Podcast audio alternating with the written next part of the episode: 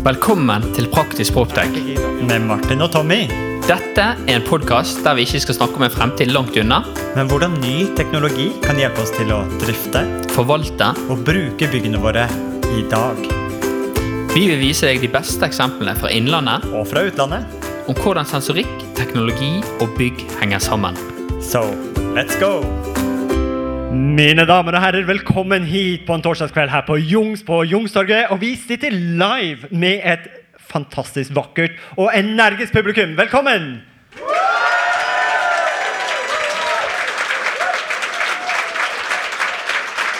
Oi, ok, ja, det, det, det roer seg nå, roer seg nå. Det er full tenning her i salen. Jonathan. Dæven at vi har klart å samle en så entusiastisk gjeng som er gira på å høre mer om dette faglige innholdet her i dag. Og det, det er jo fordi vi skal prate om noe som engasjerer så mange og skaper så mange følelser, og det er byggautomasjon. Oh yes, Og vi starter, vi gjør jo hele historien. Vi begynner, som sagt, eh, dere i publikum vet dette her, men vi begynner nå i fortiden.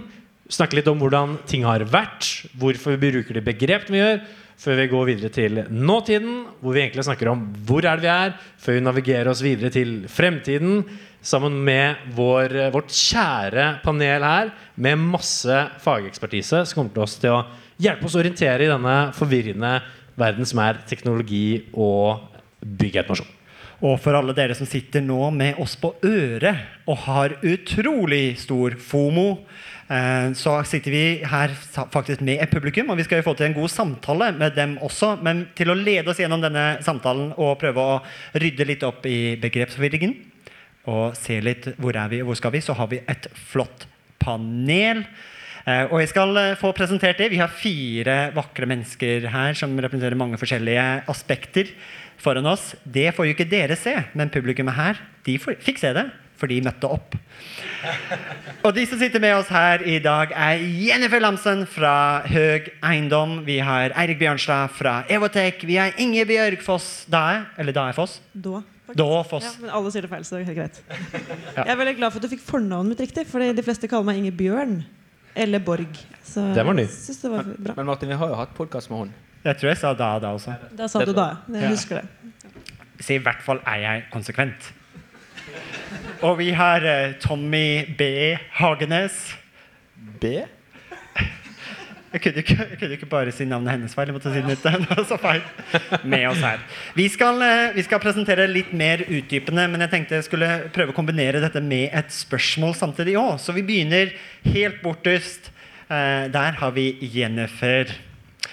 Og du har jo vært litt eh, overalt. Både i Oi, der, kom, der fikk vi peisen vår på også, i bakgrunnen. Du har tidligere vært energirådgiver. Vært i Evotech, en ledende energiråder. Studerte i Oslo OsloMet, men også studerte ute i eh, utlandet. Eh, og er nå energirådgiver i Høg Eiendom, en stor eiendomsaktør her i Oslo. Og du har enormt store ambisjoner på vegne av denne eiendomsporteføljen med et mål du ble litt sjokka? Det er du som har eh, stilt disse ambisjonene. 125 kWt per kvadratmeter på hele porteføljen. Hvor ligger dere i dag? Nå ligger vi på rundt 137. Og, og før, når du begynte, hva lå dere på? Da lå Det spørs litt Når begynte vi? Eh, Når begynte du? Ja, når begynte jeg? Da var vi vel på 168 eller noe sånt. Så ja. Jeg tror går hele i vei. Ja, da tror jeg hele, i hvert fall global oppvarming, hater deg, altså. Ja. That's one er to på rødt. Ja? Jeg kjente at jeg fikk sånn ekstra skarrer når jeg satt her og prata. Ja. Er, ikke det en, er ikke det en fordel? Jeg tror også panelet vårt trenger jo litt eh, I tilfelle det blir litt tørt i halsen og det blir, de trenger litt. Får vi noe Får vi noe å drikke for dem også? Kunne vi fått noe bestilt opp? Det er bra. Noe ekstra forvirringer? Ja. Uh, Jennifer, du har jo sagt at et av de viktigste verktøyene Jeg vet ikke om det er riktig å si at dette er et verktøy, men til å lykkes med denne energibesparelsen og få til byggene i høy eiendom, er jo drifterne på bygget. Og så for de som sitter her på, med oss på øret der hjemme Her deles det ut shots. Martin, er det du det er som har tatt initiativ til dette her? Nei, dette er vannglass. Ja, ja, ja, ja vannglass. Ja. Du får vente og se. Når jeg får den der i halsen, så skal jeg dømme om det er vann eller ikke. Så tilbake til eh, det faglige. Um, Tusen takk. Ok, dette Det var vann jeg prøvde å insinuere, da. Men ok, greit. Skål!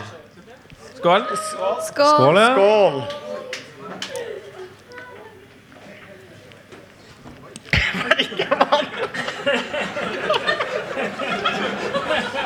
Ja, Slipper- fordi slipper der hjemme. Nå søler Martin utover hele scenen her.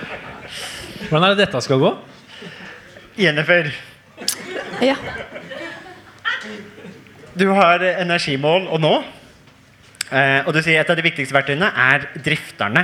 Og som jeg ikke sagt nødvendigvis er eh, et verktøy, Men det verktøyet de bruker i sin hverdag, er noe som vi kaller et SD-anlegg.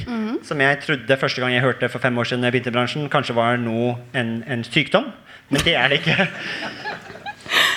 Nei, det stemmer. La oss begynne, vi begynner litt enkelt, og kanskje også få begrepsforvirringen ut. Hva er egentlig et SD-anlegg, og hvorfor er det så viktig til å nå de energibesparelsesmålene? Det står for sentral driftsanlegg. Altså, nå skal jeg bare først si at jeg er ikke noe automasjonsnerd. Jeg har egentlig VVS-bakgrunn, men har jobbet uh, som energi- og miljørådgiver siden Ja, det vil jeg ikke si. Eh, men noen år. Eh, men eh, et SD-anlegg er jo på en måte hjernen i bygget. Det er der vi samler alle de tekniske installasjonene og styrer de på en god måte. Eh, og det er det som er på en måte tanken. At istedenfor at en drifter skal gå til kjølemaskinen og trykke på den, og til varmeanlegget og trykke på det, uh, og ventilasjonsanlegget og trykke på det, så samler vi alt det her i ett system som forhåpentligvis skal kunne snakke sammen. da. Så det er på en måte målet til et SD-anlegg. da Å forenkle hverdagen til drifterne og være et godt verktøy for å optimalisere og energioptimalisere bygget. Jeg kan snakke mer, men det var kanskje greit. Jeg, jeg føler jeg ble litt varm i kroppen. Jeg vet ikke om det var fordi jeg, jeg synes det hørtes veldig spennende ut, eller om det var shotsa vi nettopp fikk. Ja. Men, Men, eh, apropos ja, spennende, vi har også en, eh, en gjest ved siden av deg, Jonathan. Ja. Eirik, du er jo seniorrådgiver i Evotek. Ja. Ja. ja. Og Hei. du, Litt, du er litt jo, usikker. Ja. og du er jo du, kommer, du har elektrobakgrunn, er det sånn? Helt nederst i bånn der er jeg vel elektriker, ja. Ja. Ja. Det er et godt sted å starte, i hvert fall i byggeautomasjon, eh, har jeg skjønt. ja. Og det jeg lurer på Skal jeg bare ikke tulle med rekkefølgen her? Vi, altså det er veldig mye snakk, har jeg hørt, som eh, litt uh, newbie i byggeautomasjon byggeautomasjon. Det er veldig mye konsentrasjon om hvordan ting kommuniserer i bygg. ja. Folk snakker veldig, veldig mye om protokoller. Og slik jeg har skjønt det, protokoller er språket komponenter prater med hverandre med dette hesteanlegget. Hvordan er det ting eh, kommuniserer, og hva er det de gjør deretter? Jeg skjønner at det er et virvar av disse protokollene. Hva, hva er egentlig protokoller, og hvorfor er det så veldig viktig i byggautomasjon? Da vil jeg bare referere til en tidligere episode med Praktisk poptrekk, hvor jeg har vært eh, gjest. Eh, Så får dere dette grundig utreda. Men basicen for dere som ikke har hørt den, da. Det var jo noen på nei her som ikke hadde hørt det før. Så det er jo da Altså For at alle disse anleggene skal snakke sammen, så må de jo snakke på et språk. Så det er jo mange eh, forskjellige protokoller eh, i bygg. Kanskje litt for mange. Eh, noen gamle, noen nye. Eh, noen er gresk, noen er kinesisk. Ehm, men hensikten med dem er uansett at de skal kommunisere sammen for å skape denne funksjonen, da, ikke sant? som er å levere eh, godt inneklima til lavt energiforbruk. Det er liksom målet, da. Og det har ikke endret seg så mye. Selv om vi snakker om MQTT eller Modbus RTU eller samme av det. Liksom. Egentlig det er bare vi skal levere et godt inneklima, lavt energiforbruk, få oversikt over systemene. Det er liksom poenget, da. Ja. Godt oppsummert. Nå føler jeg jeg har vært litt mer før vi går inn i denne diskusjonen. Takk for det. Og Inge Bjørg. Um, du har også vært på en reise, litt som med protokollene våre på bygget. Du eh, har starta Du er vel automatiker i bunn, faktisk. Nei, Nei. det, er, det skal ikke skryte på meg. Men jeg er, eh, jeg er automasjonsingeniør. Så jeg startet faktisk med å programmere PLS-er eh, innenfor industriell prosessautomasjon. Så kanskje jeg skal spørre, Hva er forskjellen på eh, automatiker og automasjon? Ja, det er mye av det samme, egentlig. Ja. Ok. Eh, Så du er automa eh, automasjonsingeniør i bunn. Vært i Multiconsult. Vært i, så på rådgiversiden. Du har kommet inn på leverandørsiden med Siemens. Eh, og nå vært på gårdeiersiden. Jobber med innovasjon i Entra. Og nå tatt eh, et spennende steg de siste par årene inn i proptekens verden med Consigli. Som egentlig har, har store ambisjoner der om å disrupte mye av den tidligere jobben du hadde som rådgiver. For å bruke AI på en hensiktsmessig måte. Både i egentlig den starten av hvordan vi prosjekterer bygg. Beskriver byggene. Det er mye på dokumentasjonsbyggene, men også, også hvordan vi prosjekterer de tekniske anleggene på bygg. Men den biten til å komme litt i gang og se litt på, som jeg også sett Consigli har sett mye på, er den beskrivelsesbiten. Så hvis vi ser litt tilbake i tid nå, som er perspektivet nå, hvordan beskrives, eller hvordan, ja, hvordan beskriver vi automatikken i bygg? Og har det forandret seg mye siden du, den gangen du jobbet med det i Multiconsult? Eh, Det har det, absolutt. Jeg kan ta en historie fra Det var første dagen min i Multi, faktisk. Det, før jeg var i Multi, så jobbet jeg eh, fire år i et selskap som heter Goodtech, som leverer eh, prosessautomasjon. PLS-er til produksjonslinjer, prosessanlegg. Litt mer avanserte ting enn byggeautomasjon. Eh, Så havnet jeg litt tilfeldig i byggebransjen. eh, Og gikk jo inn i Multi og trodde at automasjon var det viktigste i verden. eh, For det er det innenfor industri og prosess. Der er jo bare bygget til stede for å beskytte den fantastiske prosessen som skjer der.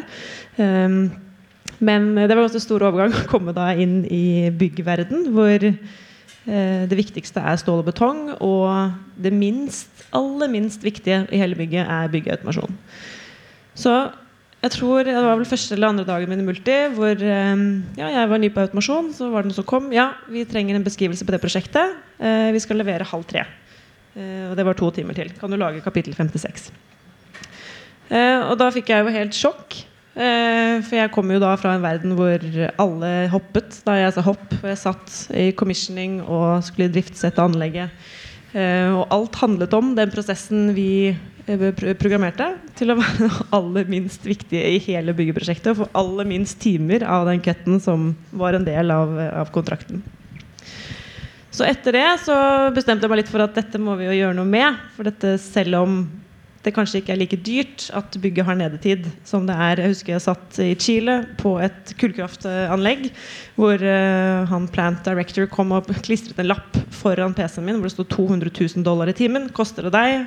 Eh, koster det meg at du har nedetid? Da blir man jo litt svett.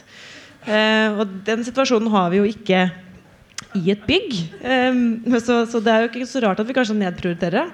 Men allikevel så er det jo ekstremt viktig. Og spesielt når vi ser på energiforbruket og ser hvor byggene våre ender opp i forhold til prosjektert eh, altså energiforbruk, så er jo mye av grunnen til at styringen ikke fungerer optimalt.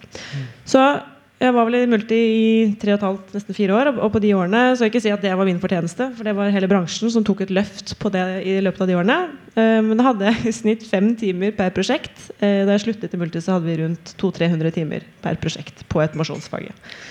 Altså selvfølgelig avhengig av størrelsen på prosjektet. Men det var en kjempereise. Eh, hvor eh, nå, vi, nå nøler vi, da. Men på NS3935, som kom i 2011, som var ITB-standarden eh, Vi hadde standarden for systematisk ferdigstillelse. Det var et generelt ITB-forum ble etablert. Det skjedde veldig mye, og det var veldig mange som gjorde et løft for at dette faget faktisk skulle komme opp. Og ikke bare være en liten underleverandør av ventilasjon som styrte ventilasjonsaggregatene, men hjernen av bygget og det det har blitt, som er en ekstremt viktig del av bygget. Da. Så ja, veldig langt svar, men en eh, reise som det, det skjedde veldig mye på de årene, eh, og en veldig viktig eh, utvikling. Og en utvikling du prøver å bidra til enda mer nå. Helt klart. Og vi har en eh, til. Yes, Tommy. Nå har jeg jo tatt plassen din i podkasten. Det var litt deilig å sitte på denne siden. Ja. ja, det er fint å switche litt opp, få litt variasjon. Eh, men du har, jo, eh, du har jo holdt på med byggautomasjon i tolv år, jeg har hørt. Så du har jo holdt på en rimelig god stund. Og ikke bare det, men du har også vært veldig godt synlig i, i bransjen. Spesielt på, på Nemetek og på Byggdrifterne og på flere av de relevante eh, fagmediene. Så vi ser jo eh, ansiktet ditt ofte. Det er sikkert derfor også noen svarte på Mentimeter her at uh, hva er byggautomasjon? Da svarte noen Tommy i Bergen. Jeg lurer fortsatt på hvem det var, hvis ikke det var Martin. Jeg så ikke alle med telefonen i hånda. i hvert fall, Så Tommy, du skulle vite hvordan man skal bruke mikrofon. Jeg vet det. Ja, jeg, Litt lenger. Ja. jeg prøver å være den uproffe på denne siden. Jo, men eh, også tilbake til eh, de artiklene du har skrevet i Nemtek. Fordi nå var det forleden snakk om historien til SD-anlegget. Og da er jeg litt nysgjerrig om du kan oppsummere hva er egentlig historien til SD-anlegget? Hvorfor eh, endte vi med opp, eh, opp med det nå i dag? Det er nok en, en lang historie. Og, og, så, og så må jeg bare si at, at eh, jeg har jo nesten jeg, jeg vil jo påstå at jeg kanskje ikke jobber med SD-anlegg i dag, men jeg, jeg gjorde jo det i tolv år. Og så har jeg på en måte tatt den Proptech-reisen nå, nå de siste ni. Eh, men, men hvis du skal ta litt historien, så, så vil jeg henge litt på, på Ingebjørg. Som sier at altså, Før var ikke det så viktig. Sant? Det var ikke et så viktig tema for oss. Da leverte alle leverandørene det de gjorde. Og den gangen så hadde jo vi at, at Johnson hadde sin egen protokoll. N2, sant? og Honeywell med Cebus. Og så gikk jo det løftet at vi skulle over på en sånn felles protokoll, som den gang var lån. Og det var på en måte mitt store inntak til bransjen. Det var når lån skulle revolusjonere verden. Et felles språk. Men den gangen så bar jo egentlig alt preg om at alle komponenter var litt dumme. Sant? Det var masse IO-moduler. Og, og denne hjernen som er blitt sagt, sant? alt lå på Men SD-anlegget. IO-moduler, det Så masse inn- og utganger. Takk Ja. for at du eh, Det er bra. Det er bra eh, Han gjør en ganske god jobb, Martin. Ja, det er bare begynt. Ja, ja. Nei, så masse inn- og utganger sant? og masse dumme komponenter. Og, og, og gjerne så var S-anlegget kanskje den fulle hjernen. Mens, mens det vi ser i dag på denne reisen, er jo at, at ventilasjonsanlegget er blitt smart. Standalone hver for seg sjøl. Hele reguleringen ligger der nede. Og, og eh, vi har jo Belimo med oss i salen her i dag. Sant? Energiventilen er blitt smart standalone hos seg sjøl. VV-spillet til, til sponsor Lindab i dag er blitt smart standalone for seg sjøl. Så vi, vi har jo på en måte Jeg mener jo at vi er kommet på den reisen nå at komponentene er blitt så smarte at når vi snakker om SD, så snakker vi egentlig om et overordnet innsiktsplattform. Og det er jo kanskje der jeg har tøffet meg litt og sagt at er det virkelig der Er dette fremtidens dashbord for noe så kult som bygg? Er det dette det skal ende opp i? Og jeg håper for Guds skyld at ikke vi har sett fremtidens dashbord ennå. Så det er den korteste oppsummeringen jeg klarer, i hvert fall sånn som gjest i en podkast. Ja, da er vi up to speed, eh, mer eller mindre. Og det er tilbake dit vi skal. Vi skal tilbake til fortiden. Ikke back to the future ennå, i hvert fall. Så da er vi kanskje, er vi kanskje dags for å Jeg tenker starte Med det som en teaser så har vi kommet eh, oss gjennom del 1. Vi har blitt Ja. kjent med panelet. Vi har forhåpentligvis fått noen eh, tanker og spørsmål. Skriv inn i Mentimeteret hvis det er noen tanker. Så begynner vi i del to. Da, litt sånn som Tommy begynte å beskrive nå, La oss se litt på hvordan er realiteten ute på byggene våre i dag, og hvilke utfordringer står gårdeierne, energirådgiveren, tidligere gårdeier også, men eh, nå Proptex-selskapene og de som skal disrupte, hva ser vi på byggene våre i dag? Så da, hvor lenge trenger du å tisse nå? Ja, det, er- det, er- morsom kontekst eh, til de som sitter eh, og hører på, Proptech- eh, hører på Praktisk Proptek nå. Hvorfor, hvorfor ti, tiss? Hæ? Det blir en liten pause for Ja. at Jonathan skal komme seg på do. Ah, ja, ja, ja, ok. Ja. Skyld på meg. Ja, jeg må på do. Jeg må fryktelig på do. Men Ja, vi, vi tar en liten pause. Ja? Det var egentlig Hvorfor slapp du unna den shotten? Nei, Det gjør jeg fikk på Martin. Jeg er veldig klissete. ja, vet du hva, godt poeng! Se der, det er nesten et fullt glass her nede. Ja, så jeg ok, at det var litt Ja, folkens, nå må vi følge opp her. Nå snakker vi. Hvem er det som må gå på do nå? Men eh, da er det kvarters pause, så fortsetter vi debatten. Yes. Er det, er det en tåre jeg ser? Åh, må skylle det med øl, ja. Nei. Da mm, er det mange her i salen som har lest eh, Umberto Eco. Umberto Eco. Noen som har lest Umberto Eco? Ja. Lydmannen har lest Umberto Eco. In the name of the rose, i rosens navn. Så Umberto Recco, Eco det er kanskje en grunn til at ingen har Kanskje spørsmålet skal være Er det noen som har fullført en Umberto Recco-bok før? Og da er det veldig få. Han eh, skriver, tenner og skriver veldig lange bøker. Fra 500 og oppover antall sider. De første 250 sidene er bevisst de mest kjedelige og langdrøyelige. For det er kun de som kommer gjennom de, inntil selve materien, inntil filosofien, inntil det sannheten han vil ha gjennom. Han vil ikke ha hvem som helst til å lese gjennom hele boken.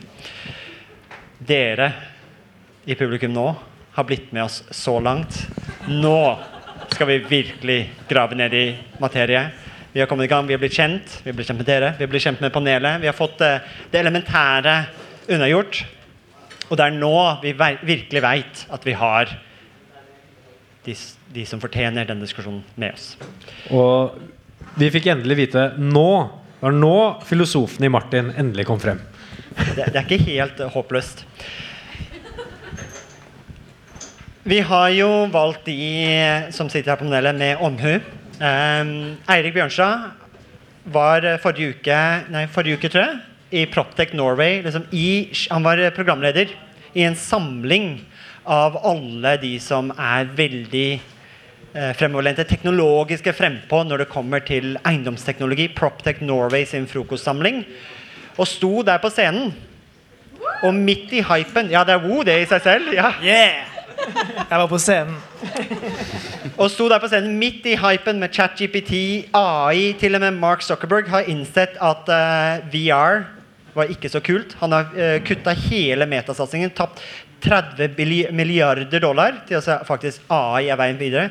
Der på scenen sto Eirik og sa vi som bransje vi er ikke modne nok til å leke med AI. Glem AI, glem ML. Vi må få skiten til å funke først. Tommy Hagenes har stått i Nemetec eh, i flere ganger og sagt vi må bare skrote det vi holder på med. Skrot SD-anlegget. Det er på tide å tenke annerledes. Vi får ikke dette funke. Ingebjørg har faktisk hatt det steget til å gå og sagt 80% av det rådgiverne her i salen holder på med, det kan hun automatisere bort. Det er, ikke, det er, det er for enkelt og for godt. Og Jennifer har vært veldig tydelig på at hun har ikke godt nok eh, Jeg vet ikke om det har vært tydelig nok, nå, nå freelancer jeg litt, da. Men jeg er sikker på at hun sitter på en sånn frustrasjon at eh, de verktøyene hun drifterne har til å nå de 125 Hun skulle gjerne hatt et mål som var 100 kWt i timen per kvadratmeter, men hun måtte sette seg på 125, som ikke var ambisiøst nok. Det er fordi hun ikke hadde den automat automatikken på byggene sine som hun ville ha. Så nåtiden, framtiden. Føler dere på den eh, frustrasjonen? Er det, er det en virkelighetsbeskrivelse som stemmer når jeg sier at her har vi en utfordring? Eirik, Ja. du stirrer meg ned. Ja, ja, nå kribler jeg her. Nei, altså jeg tenker jo Jeg er jo um, Som jeg sa da også på Proptech Norway Summit, så sa jeg jeg er jo egentlig en te- teknologioptimist, og jeg elsker dingser like mye som uh, neste person, holdt jeg på å si. Men, men uh, jeg har jobbet med det her i ti år nå, og det er jo litt sånn herre Det er ikke så vanskelig oppgave vi egentlig skal løse sånn hvis man ser enkelt på det. Vi skal levere som jeg sa i sted, godt inneklima, lavt energiforbruk. Eh, vi skal ha oversikt. Det skal være enkelt å drifte. Det skal funke, liksom. Men det gjør det ikke. Det er sånn, Ta opp hvem som helst skjermbilde på hvem som helst testanlegg. Og jeg, det er så lett. det er sånn, Finn fem feil, liksom. Det er lettere enn på melkekartongen. Ehm, ja, og det er, som, det er der vi sliter. Jeg husker jeg hadde et møte med Jennifer og Ingebjørg for uh, tre, to, tre, to år siden, kanskje. Det var i Entra. Ja. Og da sa du liksom Da hadde vi um, uh, Vi snakket om uh, smarte bygg. Og så var Ingebjørg sånn Ja, men det er jo Solarskjermingen funker jo ikke. Ikke sant? Og Jennifer sa Det er liksom Forventningen er jo ganske lav. Ikke sant? Det er jo Vi skal ha 22 grader i bygget. Og hvis, hvis man skrur opp temperaturen, så skal liksom og det kommer et varmepådrag, så skal det bli varmere. Men det er liksom det er så ofte hvor det, det blir ikke varmere, liksom. Og det er det vi sliter med. Det er ikke, det er ikke maskinlæring. Jeg, og jeg, jeg, jeg kan ikke være mer enig, for at i, i går Tommy, mikrofon. Å ja, I går så, så monterte vi eh, på et nytt KNX-anlegg på Sundvolden hotell. Nytt Connexa. Ja, det, og, og det er jo Det er jo vondt å si, men det er jo, det er jo sannheten. Eh, hvis- Nytt EIB-anlegg. Ja. EIB. det, er Det var en sånn nerdevits, da. Men det er jo, det er jo det Connex het jo EIB før. Det er jo samme greiene, bare ny branding. Fortsatt på 56K-hastighet, altså modem-hastighet. Men vi monterte én sensor på radiator, én på bad, disse mikrosensorene til Disruptive, og én i rommet. Og så tok vi og sjekket inn og sjekket ut på hotellrommene. Tror dere at, tror dere at det virket at Opera sitt bookingsystem inn på SD som skal snakke med KNX igjen, altså det spindelvevet vi lager i dag Det var ingen rom som oppførte seg sånn som det var. Før vi sjekket inn, så var gjennomsnittstemperaturen på badene 29 grader. Og så når vi sjekket inn, så ble det faktisk kaldere. da Av en eller annen merkelig grunn. Så det er liksom bare den der- den der erkjennelsen om at det, det funker jo ikke, det vi holder på med. Det gjør ikke det. Eh, og jeg jobbet eh, som nevnt i Siemens for en del år siden. Eh, og da hadde vi et veldig spennende prosjekt eh, på Lydskolen i Trondheim. Eh, noen av dere har sikkert sett noen fancy videoer, som jeg også kanskje har vært skyldig. Vi hadde veldig store ambisjoner for det prosjektet. og masse spennende teknologi som vi skulle implementere. Men det er det kjedelige samme svar igjen. Vi fikk ikke til soloppskjerming. Varmeanlegget funka ikke. Ventilasjonen var ubalansert. Så da hadde vi ikke tid til å implementere apper og alt annet som vi syntes var gøy. Og indoor positioning-systemer og alt mulig. Vet du hva det beste solskjermingssystemet som finnes der ute? Det er en gåte. Nabobygget. Skygge. Skyer. Skyer. Ja. Nei, så det, så det er på en måte det vi ender opp med hver eneste gang. Er jo det at Vi har masse ambisjoner, og vi tenker at vi som bransje eh, Det var noen som Tok den nå? akkurat nå. Litt tid. Men vi har veldig lyst som bransje å henge med den teknologiutviklingen som skjer. Eh, men det har vi ikke tid til, fordi vi har egentlig mer enn nok med å få the basics til å funke. Og det også, brukte vi mye tid på Jentra også. Hadde en egen app og tenkte at vi skulle tilby brukerne bygg så masse mer. Men det er sånn hvis det er for kaldt, hvis det er for varmt, hvis lyset går på i naborommet når du går inn på et møterom, så, det sånn, så bryr man seg ikke så veldig mye om den appen. Er den solavskjermingen sjukt irriterende, og så ender man opp med å egentlig ikke bruke det. Det samme vi har jo sett, Nå er jo litt et helt annet fagområde, men adgangskontroll. Uh, Gud forby burde egentlig ikke snakke om det her i det hele tatt. Men uh, adgangskontroll på mobilen er jo sånn også. Det var en kjempeidé. Helt til det tok liksom, 30 sekunder å aktivisere og ta opp telefonen og åpne appen. Altså, så var det tok det to uker, så var det ingen som brukte det heller. Så vi har liksom kastet oss på liksom, tech-bølgen. Eh, men så vi glemte vi at vi er nødt til å fikse det basics som vi egentlig aldri har klart å få til. eh, før vi gjør det. Så ja. Nå jobber jo jeg med, jobber jeg med AI, da, så jeg er veldig for det. Men vi må fikse basicen først. Er, men det er jo dårlig data blir dårlig AI, er ikke det en greie? Det er Og det er liksom det jeg tenker eh, Det er veldig viktig for meg som gammel byggautomasjonsentreprenør at det er ikke dere byggautomasjonsentreprenører der ute, det er ikke bare deres feil. Jeg har hjerte for dere. Eh, Det er sammensatt. Det er liksom ikke ett problem her, tror jeg. Det er, det er på en måte Byggeprosjekter i Norge føles som sånn her, eh, 1000 meters sprint hvor du legger du, du spurte alt du har. Det er kaos. Du svetter og gønner, og du har 190 puls. Og så 10 meter før mål, så, eller 100 meter før mål, så legger du deg ned, og så Her stopper vi. Så her, nå skal vi ikke lenger. Eh, Det er sånn, på en måte den der siste da Og de siste 100 meterne, det er da liksom byggeautomasjonen kommer. Da kommer Da er kablinga ferdig. Nå ja, nå er det kobla. Nå kan vi kjøre i gang. Men da er alle på neste prosjekt. ikke sant? Så er da har vi ikke tid til Da er det andre ting. Så det er liksom det liksom Få det ferdig. Få det til å funke. Det er liksom det det er, det, er, det er på en måte mitt mantra om dagen. da Men, men så er det masse manuelle prosesser sant? Jeg husker liksom, når du er på med så vil du liksom linke det ene rommet til det andre og linke manuelt fra manuelt. Og så ringer telefonen, og det er ingen som husker hvor du har vært. da sant? Og så er du gjerne på telefon på neste prosjekt òg. Og det var sånn, jeg husker første gang Martin så meg programmere et bygg. Og så sier han bare sånn Ja, trykte du liksom commission, og så gikk du live på et bygg nå? Uten at noen tok en sidemannssjekk, eller liksom at det gikk opp til GitHub, og fire andre utviklere skulle sjekke hva du Og du styrer det bygget der borte. Så, så jeg tror liksom også liksom den erkjennelsen der, Martin, som du har hatt med at, at Oi, dette er litt annerledes enn enn det vi gjør i software. Og du styrer faktisk hele det bygget med den undersentralen du bare litt sånn nesten i halvfylla trykte commissioning på på en fredagskveld.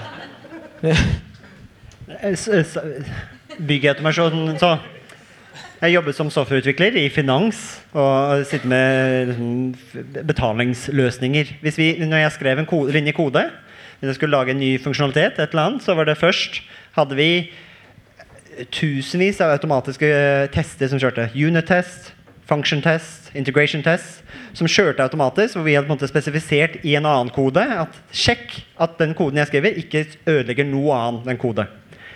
Så, så når de, alle de testene hadde kjørt gjennom, og det kan, det kan fort ta noen par, eh, par minutter, for de kjører opp i sky, jeg eh, laster opp min kode som menneske har programmert, så sjekker den alle linjene og sier ja, good, den er godkjent, men nei, du får ikke, du får ikke release den til produksjon. Du får ikke release den til å faktisk touche noen kunder før i hvert fall to andre mennesker har lest gjennom og sett din kode og satt, ø, kommentert, og kommentert ja, denne her ser god ut, jeg tror ikke det blir noe feil. Da kan det gå inn til produksjon. Også det, det, gans, egentlig, det høres ut som et tungvint men det er ganske smidig i moderne softwareutvikling. Sånn som Tommy programmerer kode. Så sier jeg, er litt usikker på den variabelen her. La meg bare tvike den litt og se hva som skjer. Så gønner han opp på liksom, ok, 150% Nei, det var ikke Det var ikke den veven til. Ok, la meg prøve den. Eh, 150% her. Og så var det liksom, hva, hva startet Modbus på? Startet det på null, eller var det på én? sant? Ja. det bare tester vi oss frem til. Der begynte det å skje noe. Det var det sikkert den vi styrte. Så Så holder vi på bruke- dette klokka ni om kvelden. Og så må ikke du si ut. Tommy, men X. Sant? Det du, det du så X-automatiker gjorde. Men, men det var, Men, men, men er, det, er, det, er det bare arbeids... Ok, så nå dere har sagt Virker som at vi er litt enige. Jennifer, du ble litt stille. Er du ikke helt enig i Jo, virkelighetsbeskrivelsen her? jeg er veldig enig. Ja. men Er du jeg litt bare- frustrert? Det, jeg bare lurer på hvem er det som egentlig har ansvaret der. Og, Jeg, jeg prøvde ikke å peke det er det jeg sitter og tenker på. Sånn, hvem, ja, hvorfor gjør vi det sånn? Men jeg, jeg har egentlig et poeng, eh, og det har jeg egentlig alltid vært litt opptatt av. Før jeg egentlig sluttet å jobbe med byggautomasjon. begynte med noe annet. Men eh, grunnen til at du ler litt av han, er at han, egentlig, han er jo egentlig blind. For det er mye av problemet med byggeautomasjon.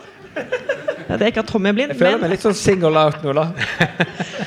Men eh, jeg har jobbet eh, mange år inn med prosess og industri. Mye større budsjetter, mye bedre instrumentering. Men den store forskjellen det er jo faktisk at der så har vi feedback. Vi har til, eh, IO, som det heter, for posisjon, for kjører denne motoren? Ja eller nei? Vi har tilbakemelding på at dette faktisk skjer.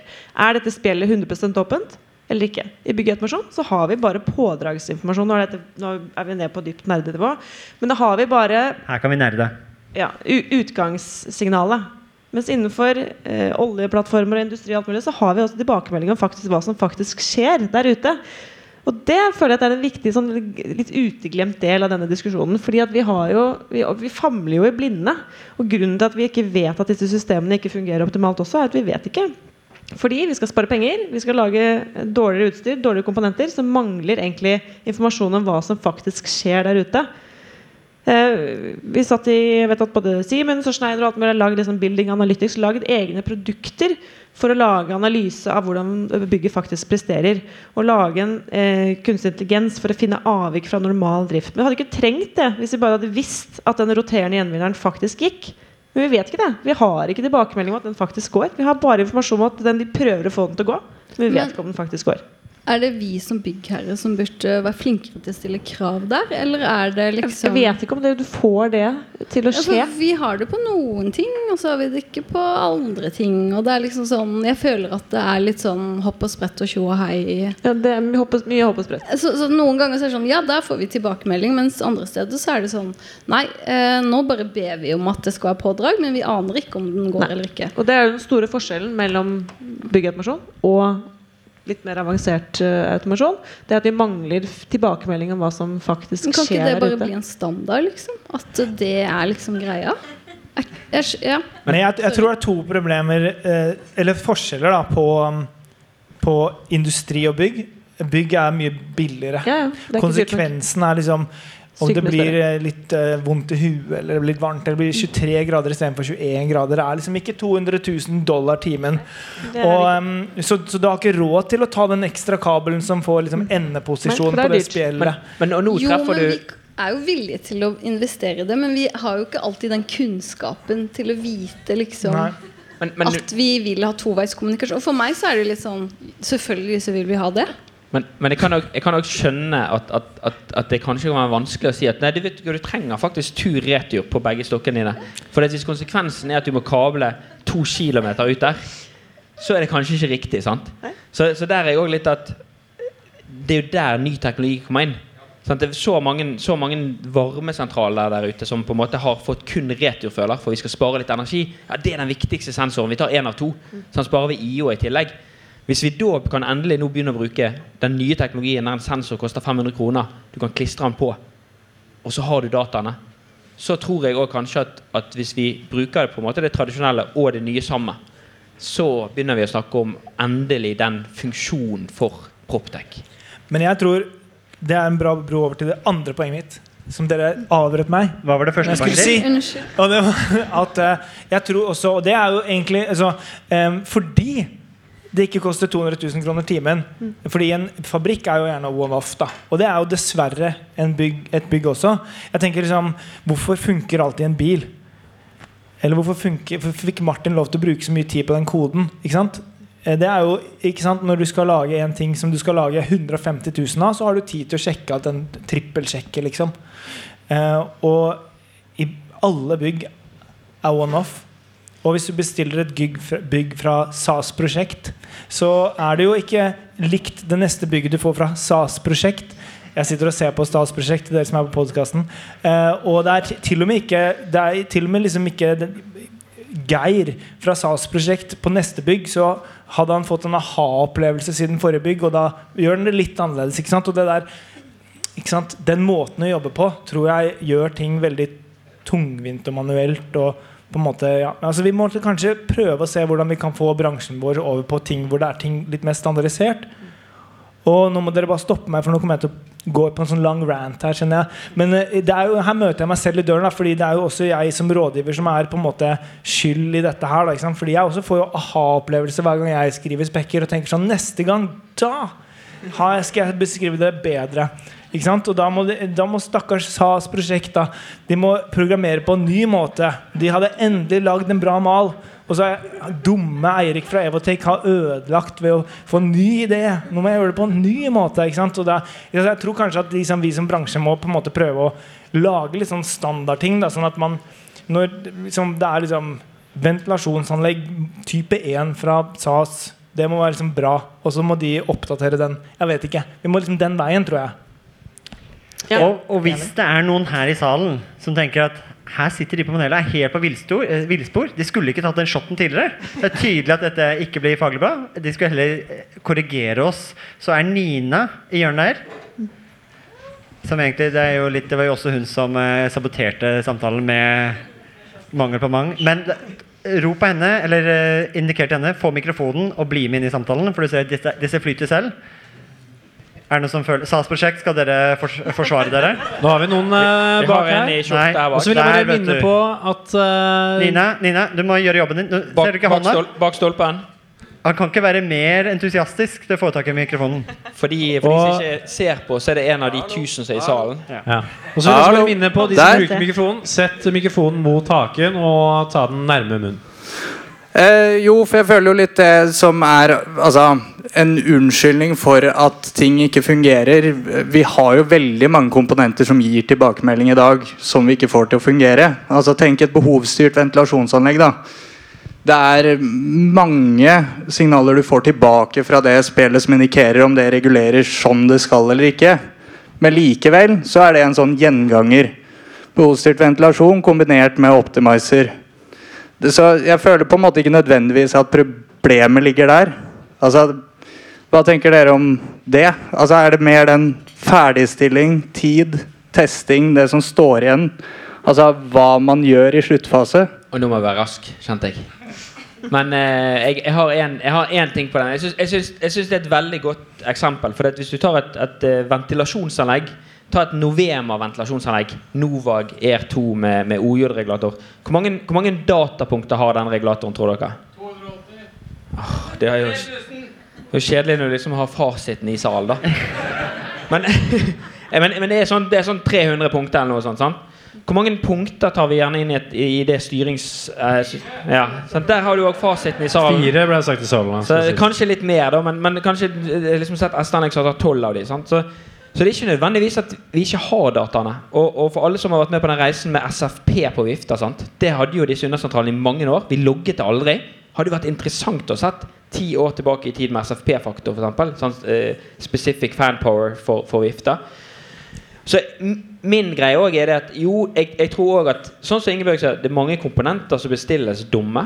Jeg snakker med mange leverandører som sier at selv om vi har smarte ventiler, så leverer vi fortsatt 0-10 volt. Men det fins en smart, den koster ikke noe mer heller. Eh, og, og utstyret der ute er blitt standalone og smart, har masse datapunkter.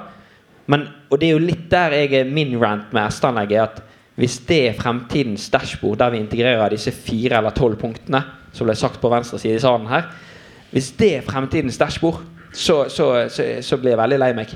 Så, og det er jo òg å tørre å bruke disse komponentene. Og da er jeg litt tilbake til det du sa, Erik. At hvis vi tør å bruke denne, disse standardprogrammene, vi tør å bruke fabrikkbygde komponenter, og vi trenger ikke at det skal være sånn at hvis ingen har vært i bygget, så skal vi stenge av vannet til toalettet. Og så når den ene sensoren går ned, så virker ingen toalett på hele bygget. Og det er jo en true story fra Bergen. Eh, hvis, vi, hvis vi tar vekk liksom hele det der kompleksitetet, og så er ikke vi sånn at vi skal, vi skal, hvis det og det skjer, så skal alt dette skje, men vi går litt back to basic. Det skal være så enkelt at den sensoren styrer det spjellet. Og det er så enkelt. Og det spjellet er i stand til å gi tilbakemelding sjøl tilbake til ventilasjonsanlegget. Trenger ikke gå innom et SD-anlegg og gjøre masse greier der. Det kan gå nesten direkte til ventilasjonsanlegget. Og så er det veldig enkelt å feilsøke på hvem har feil. Virker ikke ventilasjonsanlegget, så er det ikke alltid SD du må peke på. For det, det var litt min greie når jeg var jobbet med SD-anlegg. Alltid din feil. Sånn, Det er feil på alarmen. Det er feil på SD-anlegget. Nei, det er feil på ventilasjonsanlegget, og jeg har vist deg at det er feil. Men, men du blir ofte den kjipe. Så Og du får, ikke, du får ikke betalt for å si det, ikke sant? Du, Nei, nei, nei. Stakker? Det er et annet problem. Men stakkars automatikkbransjen de får jo ikke betalt. Det er ikke rart vi har dårlige hesteanlegg. De tjener jo ikke penger. Så det er jo jeg, Og jeg tenker liksom Må vi ikke tilbake til der hvor det er liksom Behovsstyring av ventilasjon er veldig bra spørsmål. De fleste eh, ventilasjonsanlegg eh, jeg har sett på, så eh, er eh, med behovsstyrt ventilasjon så kan du legge vateret oppå denne luftmengdekurva, liksom, og den ligger ganske i vater der. Ikke sant? Det skal jo være en sånn fin behovsstyrt kurve, ikke sant? men du har ikke det, og du har investert i 500 spjell. VAV-spjell. Men har du VAV? Nei, det har du ikke. Eh, så, ikke så og kanskje det er løsningen. Kanskje det er liksom plug and play-ting. men jeg, jeg har sett mange sånne anlegg som ikke funker òg. Så ikke sant? det er sammensatt. da Jeg tror ikke det bare er måte, teknikken. Men tror du alt skal inn i én hjerne? Tror du liksom SD skal Nei. knytte oss sammen? Men det gjør jo ikke det nå heller, liksom. Det er jo på en måte For å være nyanserte på panelet, så er det liksom Ja, en gang for liksom 20-25 år siden så var det en tårn-PC på bygget. Kanskje, kanskje du finner noen fortsatt. Hvor liksom alt gikk dit. Og så var det inni den Windows tårn-PC-en Så var det noe som lagde masse matematisk logikk og styrte ting. Eh, Men nå er jo ting litt distribuert ikke sant, ut. Eh, Og så er det jo på en måte eh, Det er jo en, et spekter. Hvor på en måte kanskje det andre enden er hvor alle dingsene på en måte styrer seg selv og er smarte. Og det er bare et dashbord, som du sier. Og så er vi kanskje et sted midt mellom nå i dag, da. Ehm, Ja, jeg hater å avbryte nå, men um, vi, Vi begynner, vi begynner å nærme oss en pausetid, tror jeg. Så jeg lurer på om vi kanskje skal uh, ta et spørsmål fra publikum før vi uh, Litt spørsmål og liten diskusjon før vi beveger oss videre. Jo, takk. Um, det var ikke Hvem Hvem er du, Henrik? Henrik heter jeg. Uh, jobber i Sound Sensing. Jeg satt her og skulle gjøre et veldig stort poeng at jeg skal ikke drive egenreklame nå. Jeg skal drive faglig, faglig eh, kommentar. Og det kan være at jeg er litt tidlig ute nå, at dette her egentlig henger mer sammen med liksom del tre, fremtidens greier. Men det er bare et lite tilskudd til det dere prater om med altså toveiskommunikasjon. Og det Tommy prater om, med at, med at vi får um, gammel tek og ny tek som kanskje kan fungere sammen. Og en ting som vi i hvert fall tenker er litt relevant fremover, er dette med, med redundante systemer. fordi vi har jo vært litt innom produksjon og prosessindustri og olje og gass. Og der har man jo gjerne redundante systemer hvor man har flere ting som kan følge med på samme greia. Sånn at man kan Hvis ett system faller ned, så har du et annet et som kan plukke det opp. Og det er jo noe vi mangler i eiendom PT, men som kanskje kan um, komme litt, da. Nå som tech blir eh, altså sensorer blir billigere og billigere, og teknologien og, og lisenser går nedover, så er jo det kanskje noe som vil komme litt, da. Um, er noe vi håper, i hvert fall. Men det kan være som sagt, at det er litt tidlig ute at dette er egentlig mer eh, mat for del tre. Men det var litt egentlig bare spørsmål hva dere, om dere hadde noen tanker rundt, rundt det. Om det blir overkill for eiendom, eller om det er noe vi kommer til å implementere også i eiendom etter hvert, sånn som man har i, i prosessindustri og olje og gass i dag. Kan jeg bare spille inn på det? Fordi du har jo deler av automatikken som går mer eller mindre autonomt, uavhengig av flere øvrige systemer. Altså Du har jo et teknisk nett, på en måte. Så det blir jo en slags variant av det. Og det er jo det man på en måte må tenke litt på hvis man skal ha alt opp i skyen, så faller jo på en måte de autonome systemene der, kabla systemene litt bort. Så det er hvilken sikkerhet skal man tilrettelegge før man begynner å kaste alt opp i skyen, da?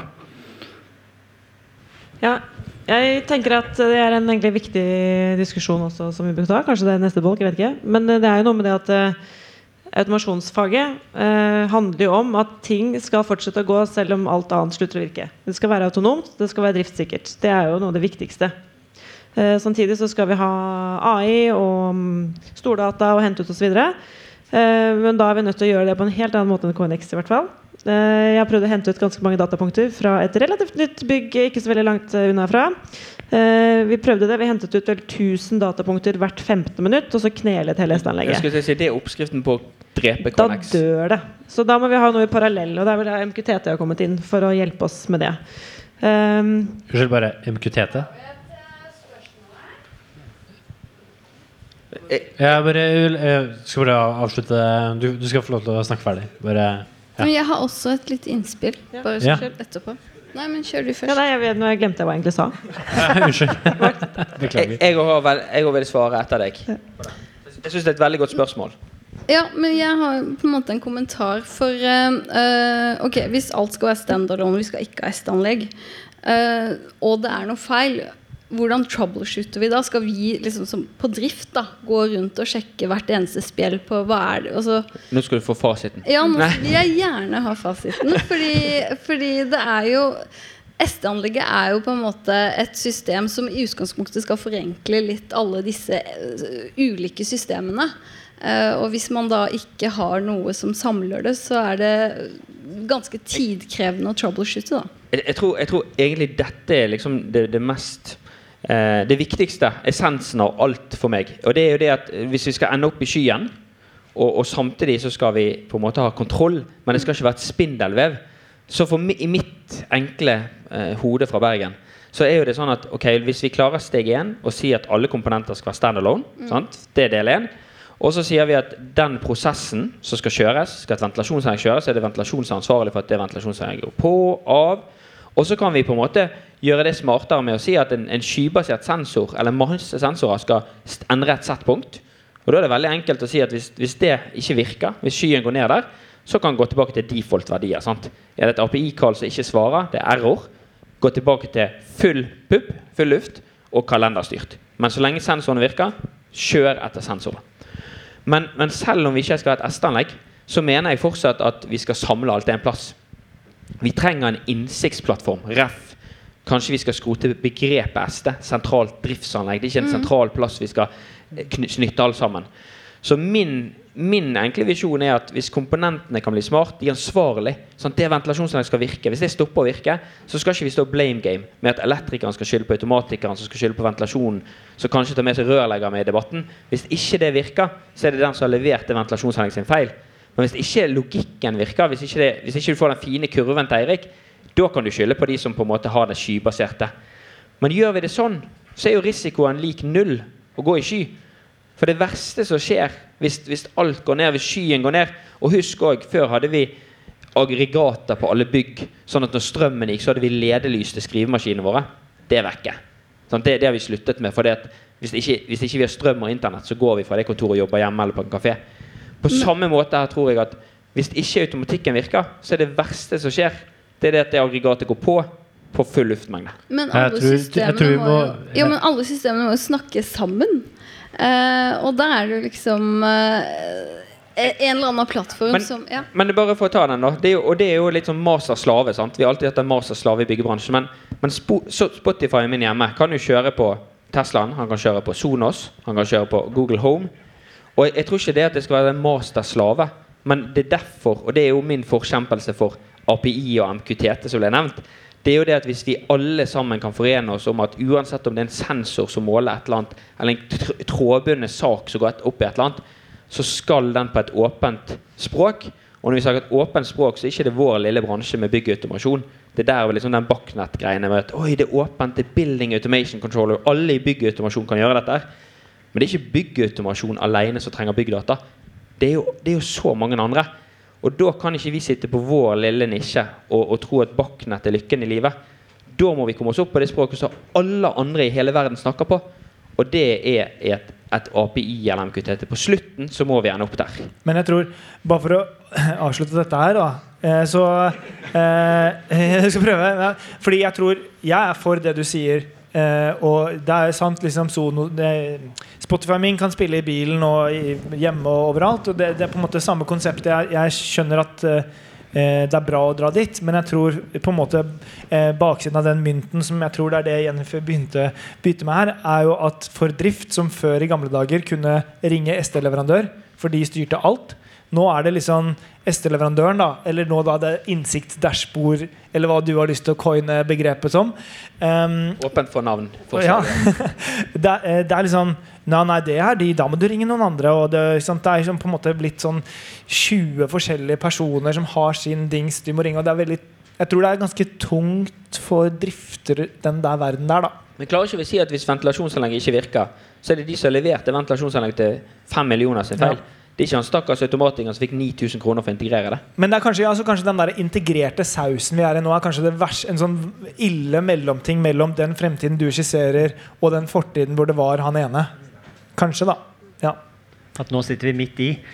Og eh, vi har eh, Vi må oppsummere nå dette, Poenget med denne Men, men vi sesjonen har her ja, vi. Poenget med denne sesjonen her var å prøve å gjøre en eh, diagnos, diagnose av eh, situasjonen vi er i nå. Jeg tror Vi har fått Vi har mange forskjellige momenter. Vi har ikke helt fått eh, konklusjonen før vi nå begynner å prate om okay, men hvordan kommer vi ut av denne sausen.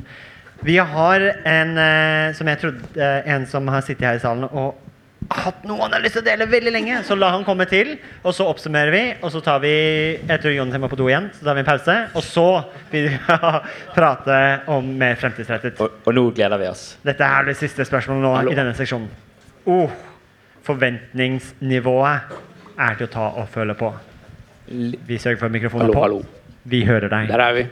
Eh, Erland heter jeg. Eh, kommer fra Nordmatic, jobber med byggautomasjon til daglig. Eh, jeg har noen kommentarer. Det er først og fremst en veldig, veldig fin eh, debatt vi har gående her. Det blir mye nerding. Jeg kjenner engasjementet bruse. Men eh, eh, litt kommentar i forhold til KNX. Um, Byggautomasjon det, det handler om kompetanse. Eh, og gjør du KNX riktig, så går det helt fint. Du, prosjektering, du må dimensjonere, du må gjøre alt riktig. Hvis du bruker sånn 100 gatewayer, så kan det funke. Ja, for eksempel. Liksom. Det koster, men det kan funke. Eh, og det med å, å ivareta funksjoner lokalt, autonome systemer, altså SD-anlegg, det vi snakker om SD-anlegg, du, du skal kunne ta bort SD-anlegget, og alt skal fungere helt fint. Altså, Det skal ikke ligge noen kritiske, uh, viktige funksjoner i SD-anlegget. Uh, eller dashboard, eller hva vi kaller det. Det er jo optimaliseringa. Men, men hvis du har KNX-anlegg, hvor ligger kalenderen din da? Den ligger lokalt på en undersentral. Så ikke SD-anlegg, men en undersentral med siden av KNX-en? da? Ja, hvis du har en KNX Gateway bygd inn i undersentralen. Sorry, jeg måtte bare Ja, ja. ja. For all del. AKA suppa. Suppa. Ja. Eh, hva, var egentlig, hva var egentlig poenget mitt? Eh, Eller hva var spørsmålet? ja, nei, spørsmålet Litt rundt soner og romstyring. Er det formålstjenlig å kunne styre hvert enkelt rom? Er, er, er det faktisk formålstjenlig for et bygg? Og sparer vi energi ved å kunne styre, regulere hver enkelt kontor, cellekontor, sone? Eller bør vi styre, styre bygg på en litt annen måte? Utrolig bra spørsmål, syns jeg. Eh, og jeg, jeg, jeg, jeg tipper jo at det sitter noen river her som sikkert kan beregne luften. Noen river i salen? Som, som sikkert har sånn, hvis du, Et eksempel, da. Du har eh, ti forskjellige kontorer. Der sitter en eh, dame som er veldig kald. Vil ha 24 grader hele året. Og når du skal ha forskjellige temperaturer som kanskje varierer 1-5 grader differanse på Jeg samme fasaden Kan, ja, jeg tror vi kan forenkle veldig mye. Uh, jeg tror at uh, ting har blitt uh, litt for komplekst. og vi har på en måte prøvd å tilfredsstille veldig små soner. som egentlig ikke er så veldig formålsdelt. egen, altså, ja, Det er egentlig ikke vits å, å eh, differensiere så mye på et kontor, da. Eh, så, så jeg tror absolutt at vi har eh, At det er et potensial i å, å forenkle. Eh, men det må på en måte komme helt fra starten av og være en del av strategien. Eh, så det er liksom noe som jeg ønsker at Riven også kommer litt på banen på. på en måte Forstå litt automatikkverden da og forenkle og gjøre det her på en måte så fornuftig som mulig. Og ikke bare liksom dytte inn 1000 duppedingser. For Som er masse feilkilder. Ja. For det vi snakker om da, er ikke å på en måte gå bort ifra behovsstyrt ventilasjon Altså at det er VAV. Vi går bort ifra det at det skal reguleres både på CO2, temperatur og tilstedeværelse i et f.eks. cellekontor. Forenkle fra det. Jeg tror liksom Ikke så opp, ja, altså Det er kanskje ikke noe vits å ha liksom CO2 og masse sånn til å styre et cellekontor. Jeg tror liksom det er mer den der at du har all den instrumenteringen på et cellekontor og spjeld som på en måte er en dings som på en måte beveger seg hele tiden for å flikke mellom 100 og 150 kubikk, liksom. Så jeg tror på en måte vi må Målet er jo å ha VAV på aggregatnivå. Du, må, du må komme langt ned på luftmengdene og liksom opp til det du har tenkt på. Og hvis du ikke klarer det, eh, men du har investert i 500 VAVS-spjeld, så syns jeg kanskje at bransjen er ute og sykler. Og det er der de fleste anlegg er i dag. Så jeg tror der, der er det Jeg er veldig på forenklebølgen ass, hvis vi skal starte en nå. Jeg blir med å surfe.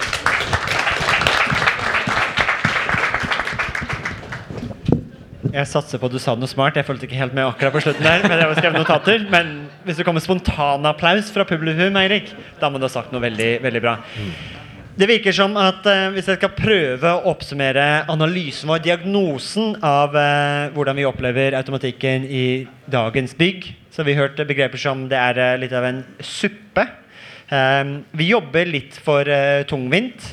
Kanskje ikke, Vi har ikke disse arbeidsprosessene. Vi skriver kode ikke like effektivt som i andre bransjer som programmerer. Eh, vi har ikke råd til de prosessene, kvalitetssikringene, eller vi tar oss ikke råd, som vi ser i industrien. Eh, og så er vi kanskje i sånn mellomsteg i den utviklingen vi også pratet om litt med den historien, at komponentene har blitt mye mer smartere. På Kiel-fergen, hvor denne debatten også startet, så sa jo Harald Åkre fra Vestheim, som er en rørlegger og har jobbet med grunnfosspumper i flere år, at eh, Jau, Tommy han har voldtatt pumpene mine i mange år. og det er jo det at vi, Før i tida, så, som Tommy poengterte, så overprogrammerte man. Alle komponentene rundt omkring bygget var eh, litt dummere. Nå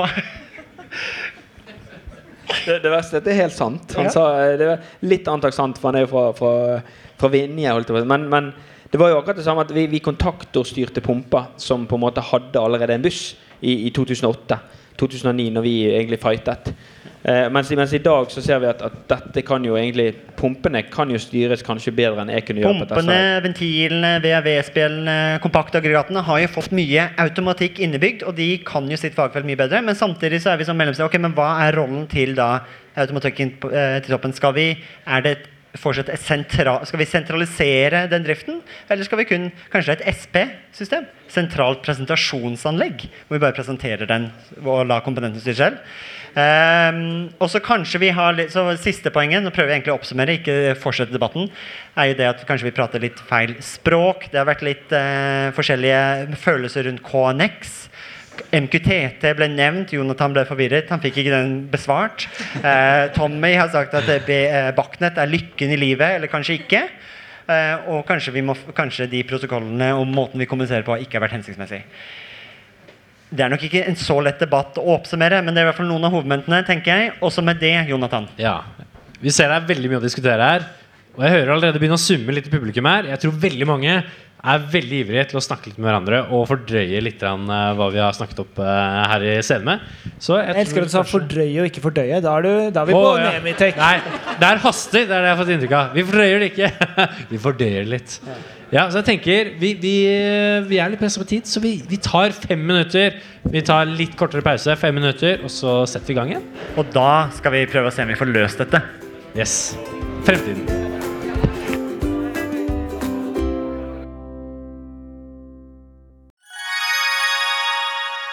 Da dere er 2024 i gang, og et av høydepunktene på starten av året er jo sett sammen et årshjul, og det har vi også gjort, Tommy. Ja, Akkurat nå sitter jeg og ringer rundt 25. og 26. april, for da skal vi på FTV-kongressen. Og det blir litt ekstra spesielt i år, Martin.